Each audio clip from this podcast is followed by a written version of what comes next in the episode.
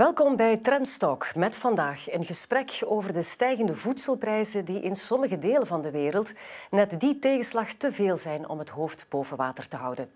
In welke mate worden de prijsstijgingen gedreven door speculatie en welke ingrepen zijn nodig om grote hongersnoden te vermijden? Mijn gast is expert duurzame voedselsystemen bij Oxfam, Thierry Kastloot. Van harte welkom. Dank je. Laten we eerst even kennis maken. Ja. Uh, wat houdt uw job bij Oxfam precies in? Ja, ik ben uh, dus beleidsmedewerker. Dat wil zeggen dat we eigenlijk uh, proberen van het beleid te beïnvloeden op Belgisch niveau, Europees niveau, maar zelf ook op globaal niveau om eigenlijk de, de hoofdoorzaken, de kernoorzaken van een falend voedselsysteem, om, dat, om die aan te pakken en proberen over te gaan naar, een, uh, ja, naar meer economische rechtvaardigheid mm. in, in voedselsystemen.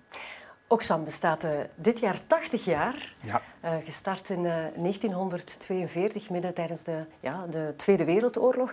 Is de focus van Oxfam sindsdien verlegd? Nee, de, de, focus, ja, de focus is een beetje verlegd, maar de focus is ook gebleven rond in dit geval ook ja, het gebruik van voedsel als een wapen. En daar eigenlijk ook tegen te streven van te zeggen nee, het kan niet. Uh, uh, voedsel is een recht en uh, voedsel kan niet gebruikt worden als een politiek wapen. Dat is vandaag ook heel, heel actueel. Maar natuurlijk, ja, de problemen, de wereld is ook ondertussen veranderd. we werken rond economische rechtvaardigheid, rond klimaat, rond genderongelijkheid, eerlijke handel natuurlijk ook ja. met, de, met de wereldwinkels, duurzame voedselsystemen. Dus uh, tax en, uh, en, en, ja, tax en fiscale ongelijkheid is ook een, een, belangrijk thema voor ons.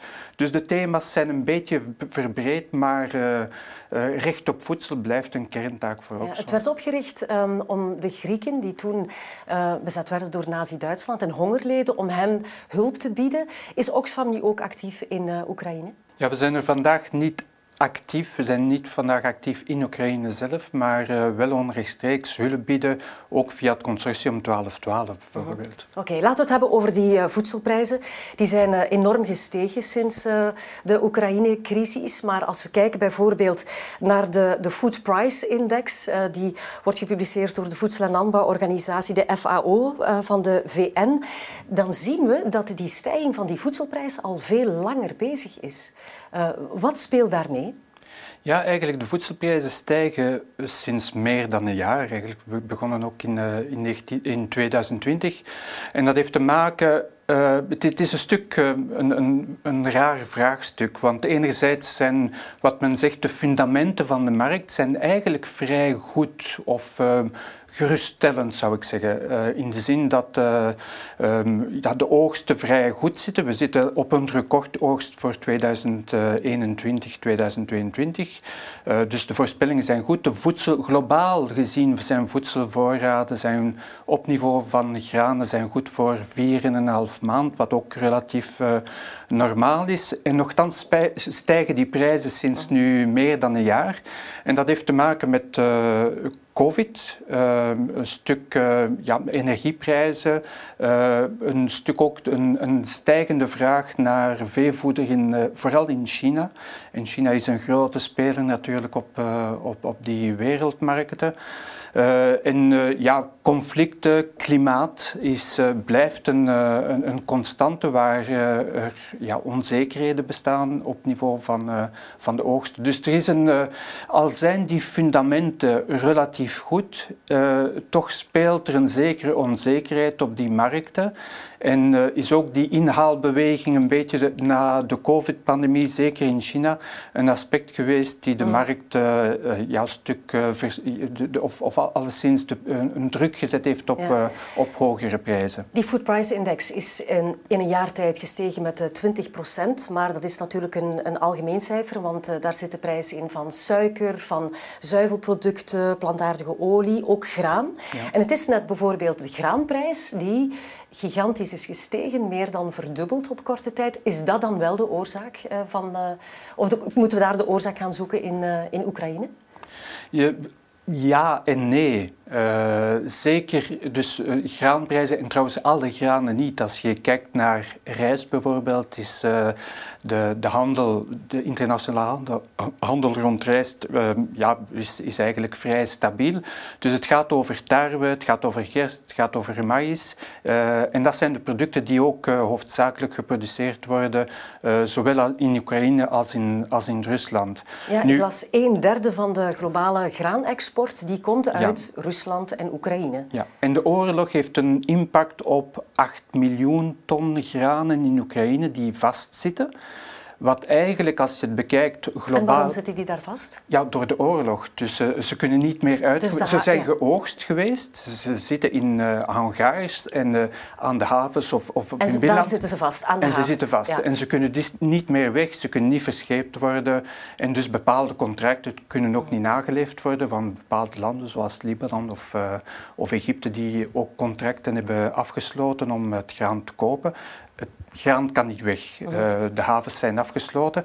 En die 8 miljoen ton, uh, als je dat, dat, dat gaat over tarwe hoofdzakelijk, uh, of 8 miljoen ton tarwe, als je dat vergelijkt met de totale productie, is het amper 1% van de totale productie van tarwe.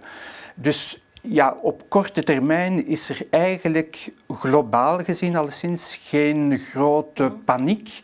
Maar de concrete impact, bijvoorbeeld in landen zoals uh, Libanon, Egypte, maar gaat ook verder, uh, Libië, Somalië, Zuid-Soedan, Jemen, uh, is dramatisch. Omdat zij een heel grote graanimport hebben uit deze landen. En ze, hebben, en ze hebben weinig voedselreserves, dus ze moeten onmiddellijk ook toegang hebben tot die import van, van granen. Maar u zegt nu dat de, de uitvoer op de totale productie wereldwijd vanuit Oekraïne naar Rusland niet zo heel erg groot is. Dus hoe komt het dat die die prijs dan zo gigantisch is gestegen? Wel, er is uh, een, waarschijnlijk ook, uh, als je, en dat kunnen we ook merken op niveau van de termijnmarkten, dus de prijzen van de termijnmarkt, dus na drie of zes maanden uh, zijn de prijzen enorm gestegen wanneer dat de oorlog begonnen is, dus met zeker 40 procent. En er is wel, het is moeilijk aan te geven, want die termijnmarkten zijn nogal ontransparant en kunnen moeilijk... Uh, uh, en wat bedoelt u daar dan mee? Dus ik bedoel dat uh, je hebt de, de concrete graanprijzen als je een contract mhm. afsluit. Maar uh, die termijnmarkten voor drie maanden is een stuk een verzekering voor de verkoper en de uitvoerder van te zeggen, ja, binnen drie maanden heb ik graan nodig, maar ik weet eigenlijk niet wat er gaat gebeuren. En dus uh, is, een, is, is het een soort uh, dekking van risico van mogelijke prijsschommelingen uh, die op die termijnmarkten worden vastgesteld. En die termijnmarkten, ja, het is, een soort, een, het is een soort speculatie, maar een gezonde speculatie om een risico te dekken. Maar wat men gezien heeft in de vorige voedselcrisis in 2008 en 2009, is dat je eigenlijk ook uh, een speculatie hebt, niet om risico's te dekken, maar voor financiële winsten. Dus financiële markten die ook gaan speculeren op een mogelijke mhm. prijsstijging of daling uh, op niveau van de graanmarkten. En vandaag is er wel een vermoeden dat het gebeurt, maar het is moeilijk om, om aan te wijzen, omdat die prijsstijging van 40% eigenlijk als je het vergelijkt met de concrete korte termijn uh, nood aan, uh, of uh, ja, verlies aan export op de globale markten, is het relatief weinig. en dus is die paniekreactie van een verhoogde termijnmarktprijs van 40% misschien moeilijker te verklaren. Dat is de situatie nu, want de, de oogst is binnengehaald. Die ligt in de hangars te wachten om getransporteerd te worden. Hoe zit het met een, een nieuwe oogst? Want die komt in het gevaar. Dan zou er wel een zeer groot hongersnood kunnen uitbreken. Ja, en, en ja die hongersnood die, is, die bestaat, is er nu ook al. Hè. Dus uh, wat, wat inderdaad een, een, een, groot vraagteken is, het zijn de komende weken dat eigenlijk uh, ook de landbouwgronden moeten ingezaaid worden op niveau van, van tarwe, maïs. Het is een kwestie van weken. Ja, Het, is, het is eigenlijk tijdens een maand april dat het moet gebeuren. Uh, en we weten eigenlijk niet in welke mate dat het kan gebeuren. Er zijn bepaalde delen in uh, uh, zeker in het westen van Oekraïne waar dat het wel gebeurt, maar ook de, de meest vruchtbare gronden zijn in oorlogsgebied mhm. vandaag. Ook alle infrastructuur is, is kapotgeschoten, um, toegang tot zaden is, is moeilijk. wat er ook vandaag is voor de zomeroogst, dus de wintertarwe die vandaag aan het kiemen is, daar moeten ook meststoffen voor gebruikt worden voor een betere productie. Die meststoffen zijn ook uh, niet toegankelijk. Dus in Oekraïne is er inderdaad een, een groter probleem. En dan zit je op een niveau van ja, geen 8 miljoen ton, maar wel 35 35 miljoen ton. Dus, en dat begint wel al een, een grotere impact te hebben op, uh, op de, de, de wereldvoedselprijzen en ook de toegankelijkheid op het niveau van de wereldmarkten. U zegt dat er nu al een grote hongersnood is in, uh, in een aantal landen. Um, u sprak over Libanon. Welke andere landen zijn nu of ervaren nu al de gevolgen van die hoge prijs? Ja, uh, Jemen. Jemen zit in. Uh, en zijn vooral... Maar heeft ook te maken met oorlog daar. Ja, natuurlijk. Dus men, men, men zit eigenlijk in, een, in de situatie vandaag dat uh, je, je hebt al veel landen die volledig afhankelijk zijn van import van granen voor hun eigen voeding, of grotendeels in grote mate, maar die al getroffen zijn, zij door de COVID-pandemie, zij door interne conflicten of door klimaatimpact. En dus uh, uh, ja, armoede in, in de wereld en vooral in, in die landen van uh, het Midden-Oosten of van de Hoorn van Afrika of nu ook in West-Afrika waar ze te kampen hebben met een grote droogte. Dus die landen zijn al geconfronteerd met een hogere hongersnood, met ja, stijgende voedselonzekerheid. En die, die, de, de, oorlog en zelfs de stijgende, of die, het korte tekort aan, uh, aan granen die niet kunnen uitgevoerd worden, zorgt voor een enorme impact op, uh, op die landen die al getroffen zijn door een hele reeks uh, problemen. Zijn er internationale instellingen die deze landen kunnen bijstaan, ja. opdat zij dan toch wel uh, het nodige voedsel kunnen invoeren? Welke zijn dat? Ja, dus je hebt het uh, World Food Program. Uh, dus dat is een, een VN-instelling die instaat voor humanitaire hulp en voedselhulp in het bijzonder. Uh, wat zij heel concreet een stijging, je hebt nu binnen, voor tarwe uh, sinds een jaar een stijging van meer dan 100 procent. Dat wil zeggen dat ze eigenlijk financieel het dubbele moeten betalen voor dezelfde hulp. En die fondsen hebben ze niet. Dus concreet betekent het dat ze minder voedsel kunnen uitdelen voor mensen in nood, terwijl dat de nood aan het stijgen is. Deze landen hebben vaak in het verleden al te kampen gehad met grote tegenslagen omwille van uh, klimaatveranderingen of conflicten. Hebben zij geen reserves aangelegd? Ja, er zijn sommige landen die reserves hebben aangelegd. Uh, men spreekt, het is niet altijd even duidelijk of, uh, of uh, de, ja, de, de lokale uh, administratie of ministers hun, hun, reserves een beetje te hoog inschatten om, om de bevolking ook gerust te stellen. Maar bijvoorbeeld in Egypte spreekt men van vier ook, reserves voor vier en een half maand mm. of, of, voor een paar maanden om, um, ja, om, om al sinds die, de korte periode te kunnen overbruggen. Um, globaal gezien zijn de reserves vrij goed, maar ze zijn slecht verdeeld.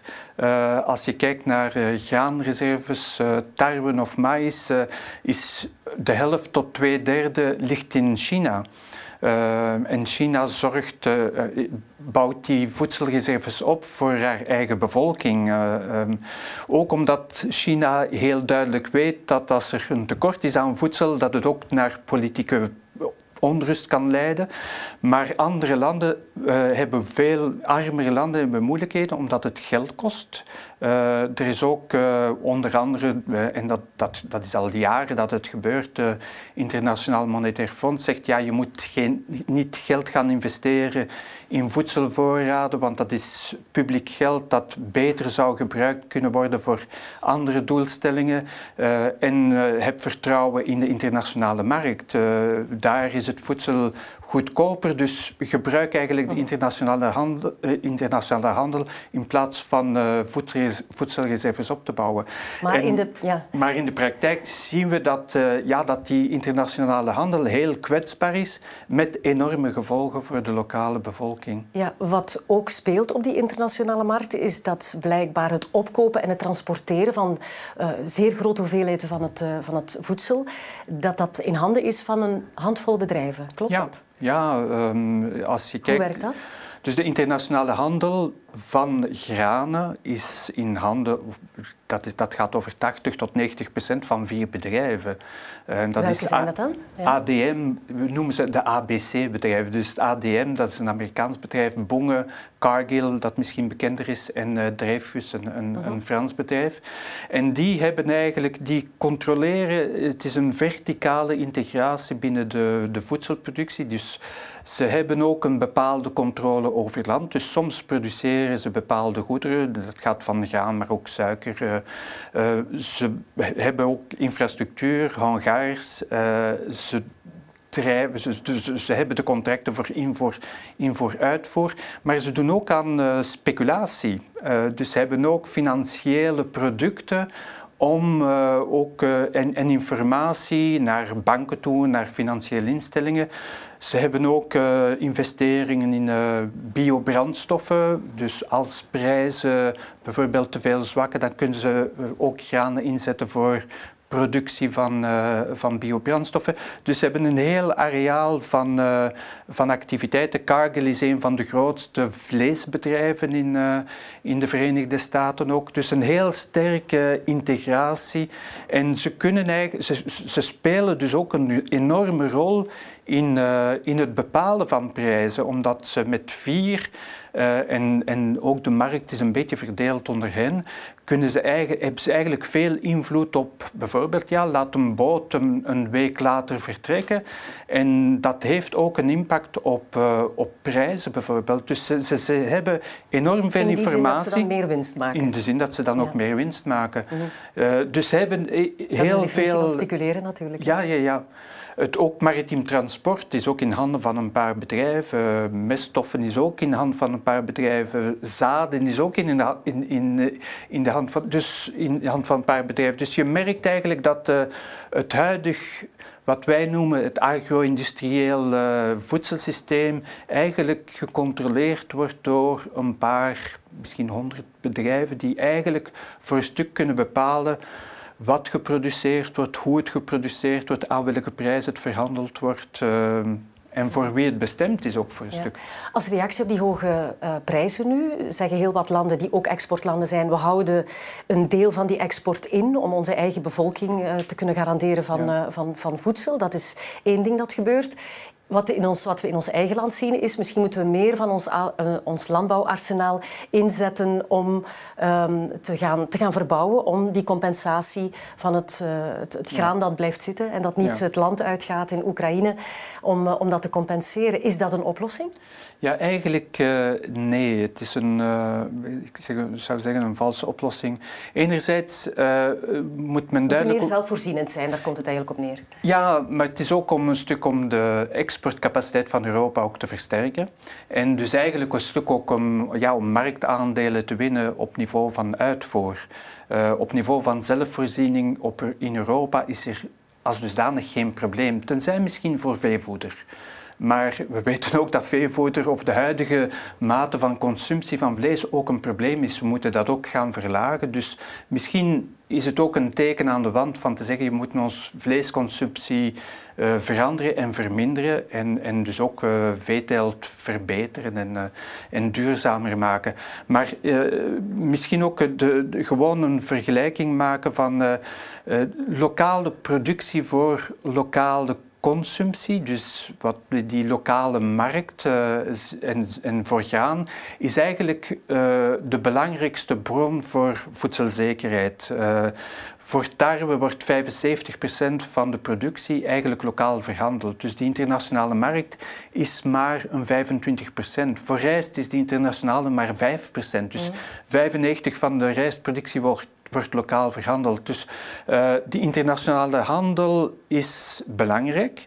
Maar uh, als je naar voedselvoorziening en voedselzekerheid werkt, dan moet je waarschijnlijk meer gaan concentreren op uh, het verduurzamen en het verbeteren van lokale voedselproductie. En, en hoe doen we dat?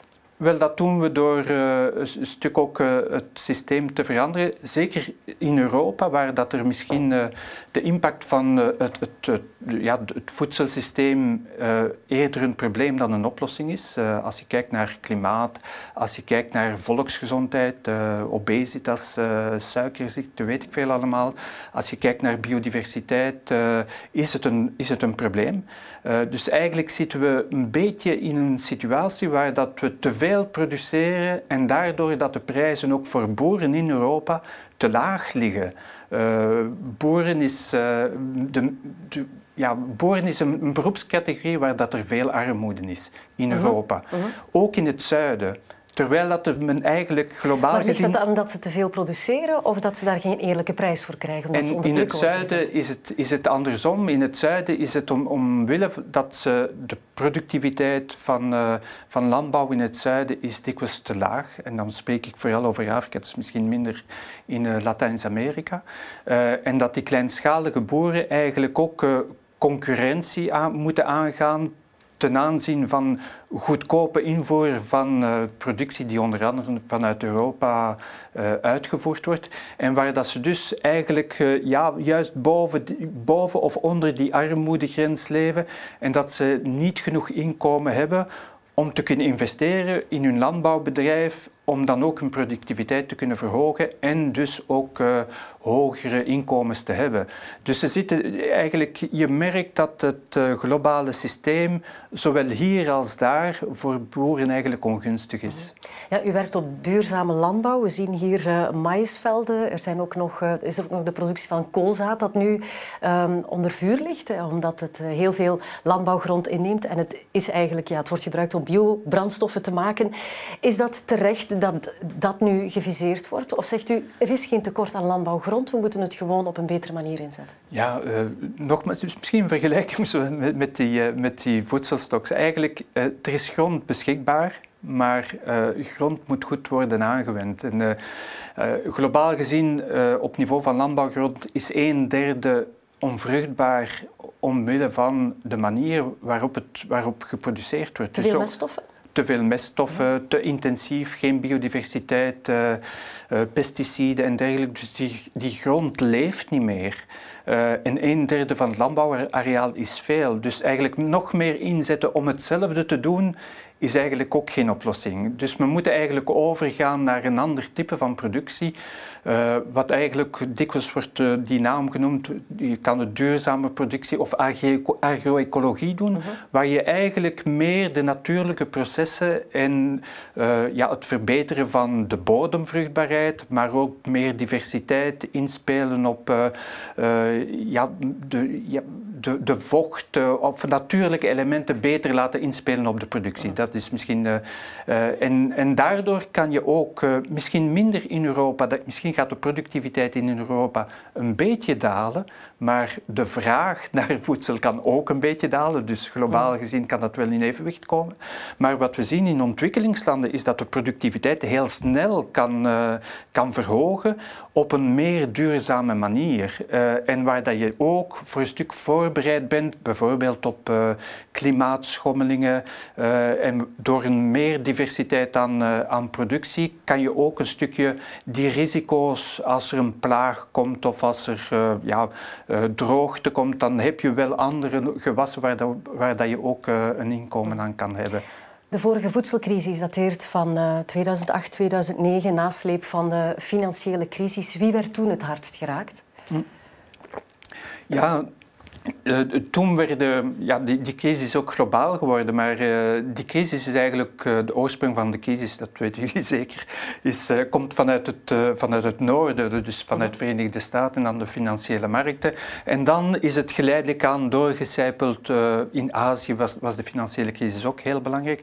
En dat is de impact vergroot en uitgebreid ook naar, naar ontwikkelingslanden en, in, en bijvoorbeeld in Afrika. Wat we nu merken is eigenlijk dat de COVID-crisis ook klimaatcrisis in het algemeen en conflicten is ook een andere reden, is dat eigenlijk de armoede vandaag al gestegen is in Afrika en dat nu de impact van de oorlog in Oekraïne een, een bijkomende laag is, een bijkomend probleem is uh, voor, uh, ja, voor de bevolking in, in ontwikkelingslanden. Dus men, er is daar wel een, uh, een, een, groot verschil tussen de twee crisissen.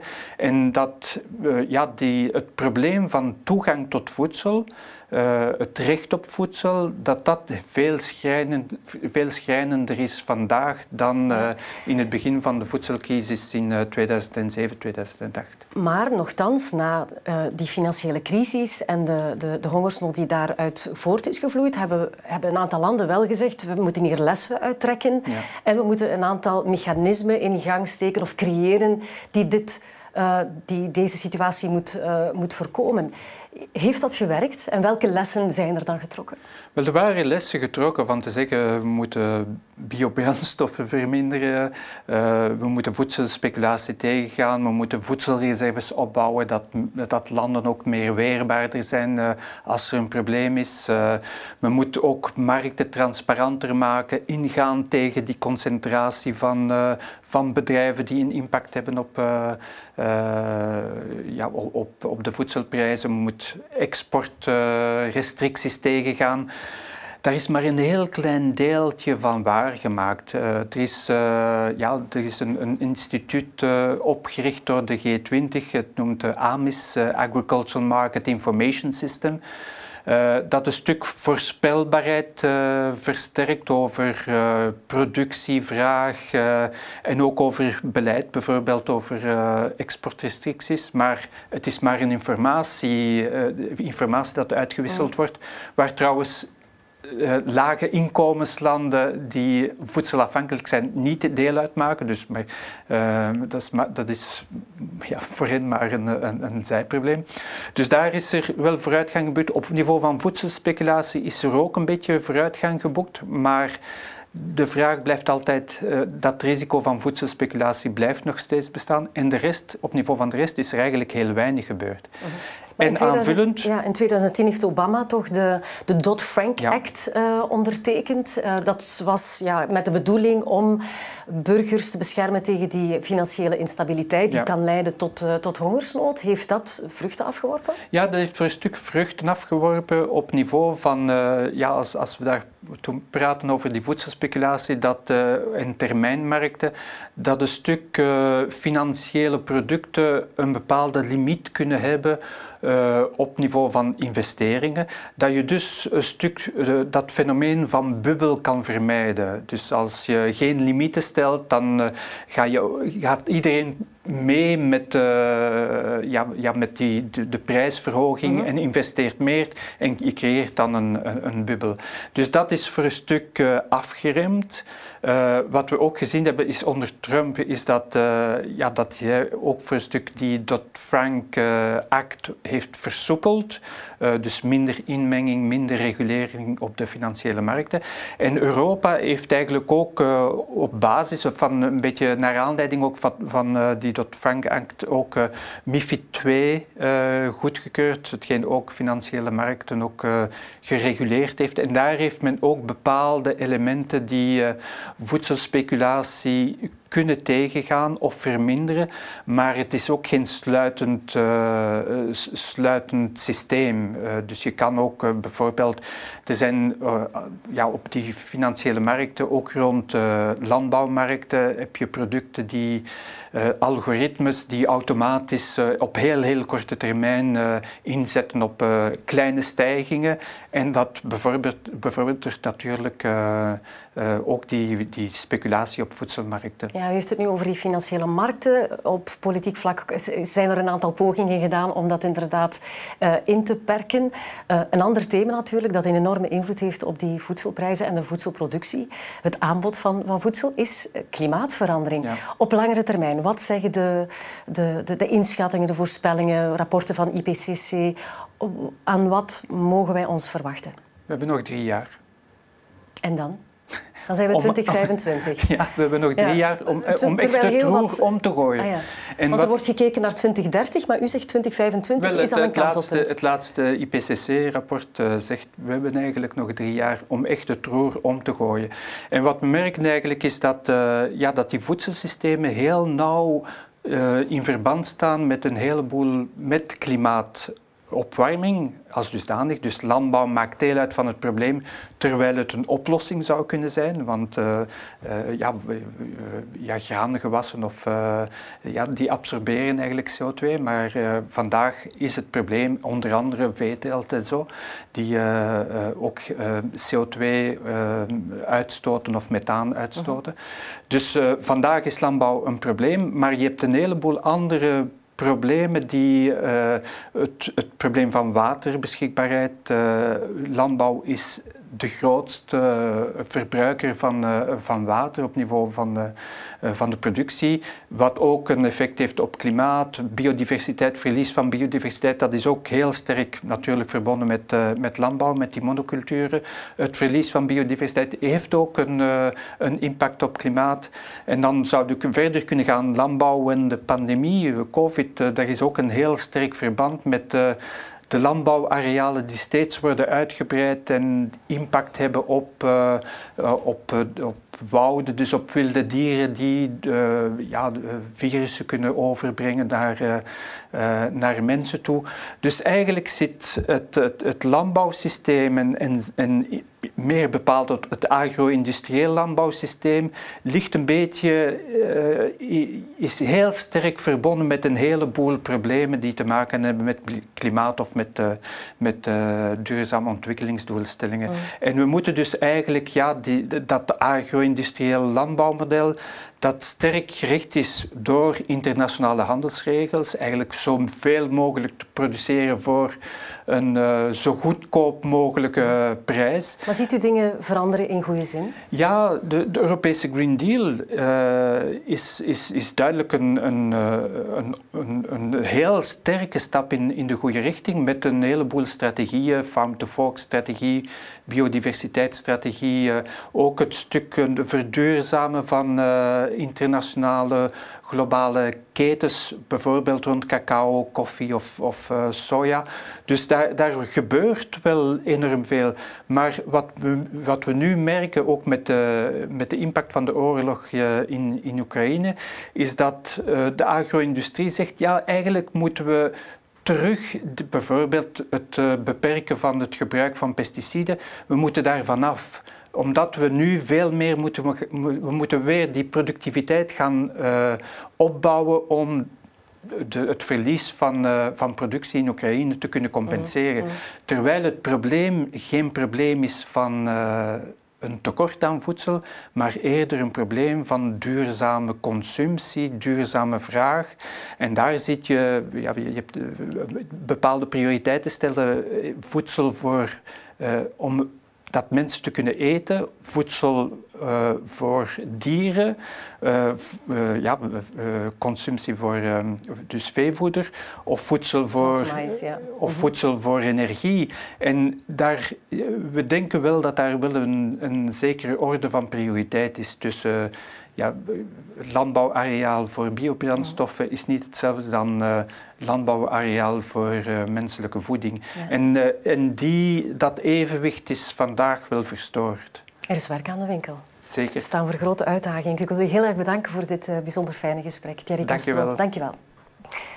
Volgende week praat collega Jozef van Gelder met professor fiscaal recht Michel Maus over een thema dat ons allen aangaat: belastingen betalen. Het belastingssysteem moet eenvoudiger en onze relatie met de fiscus moet uit het huidige conflictmodel getrokken worden. Maar hoe? Antwoorden krijgt u volgende week in Trendstalk. Bedankt voor het kijken of luisteren via de podcast en heel graag tot een volgende keer.